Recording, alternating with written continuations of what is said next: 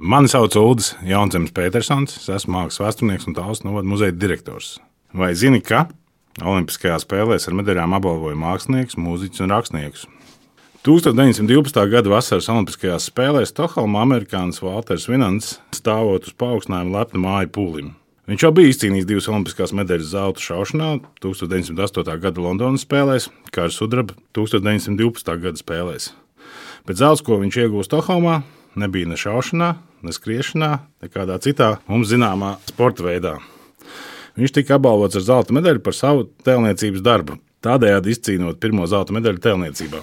Pirmās četrās desmitgades sacensībās Olimpijādē tika piešķirts oficiāls medaļas glezniecībā, tēlniecībā, arhitektūrā, literatūrā, mūzikā un arī, protams, par sporta sacensībām. No 1912. gada līdz 1952. gadam žūrija piešķīra 151 medaļu ordinālu darbiem mākslā, mūzikā, literatūrā un arhitektūrā. Par šo faktu ir pārsteigti praktiski visi, jo tas ir eh, aizgājis tādā nelielā aizmirstībā. Sakarā ar 2012. gada vasaras Olimpiskām spēlēm Londonā cilvēks, kurš organizēja paralēli arī mākslas aktivitātes, Ričards Stentons. Sāku šo jautājumu pētīt, pavadot diezgan daudz laika Startautiskās Olimpiskās komitejas arhīvā. Viņš nonāca, vai precīzi sakot, atklāja, ka šī mākslas klātbūtne Olimpiskajā spēlē saistām ar mūsdienu Olimpisko spēļu atjaunotāju Pierre Kubertēnu. Pierre Kubertēns bija audzināts un izglītots klasiski. Viņa īpaši iespaido doma par to, kā būtu, kad savieno šo atletisko ar um, mūziku, literatūru, mākslu. Un viņš ļoti, ļoti strādāja pie tā, lai tāda māksla būtu klātesoša arī Olimpiskajās spēlēs. Protams, tas uzstādījums bija tāds, ka šos darbus jāiedvesmo sportam un atletismam. 1912. gadā 33 mākslinieki, lielākoties, protams, Eiropas, iesniedza savus darbus.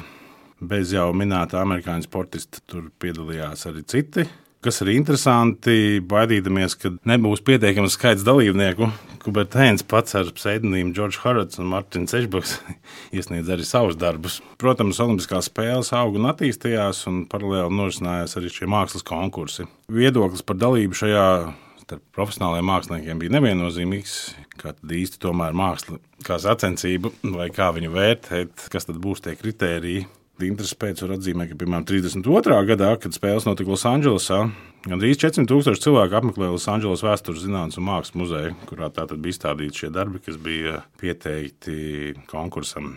Pēc 52. gada spēlēm par Startautiskās Olimpiskās komitejas prezidentu kļuva Everija Bernidžs kurš ļoti pastāvēja tieši uz tādu amatieru sporta klātbūtni, lai nu, nejauktu šo naudu iekšā, tur, lai tas būtu tāds tiešām cilvēku amatieru pārstāvēts fórums.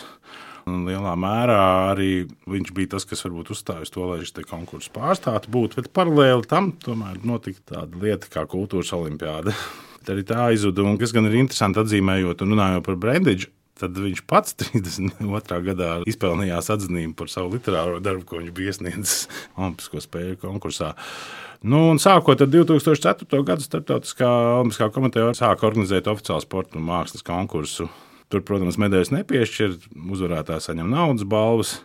Tomēr kaut kādā mērā šī kuvertēna ideja ir atjaunojusies.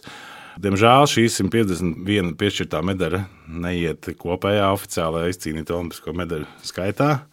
Bet kopumā man šķiet, šis ir interesants izpētes vērts fakts. Noteikti, ka Startautiskās Olimpiskās komitejas arhīvs glabā diezgan daudz arī vizuālā materiāla par to, kādi šie darbi ir bijuši un ko cilvēki ir pieteikuši šiem konkursiem.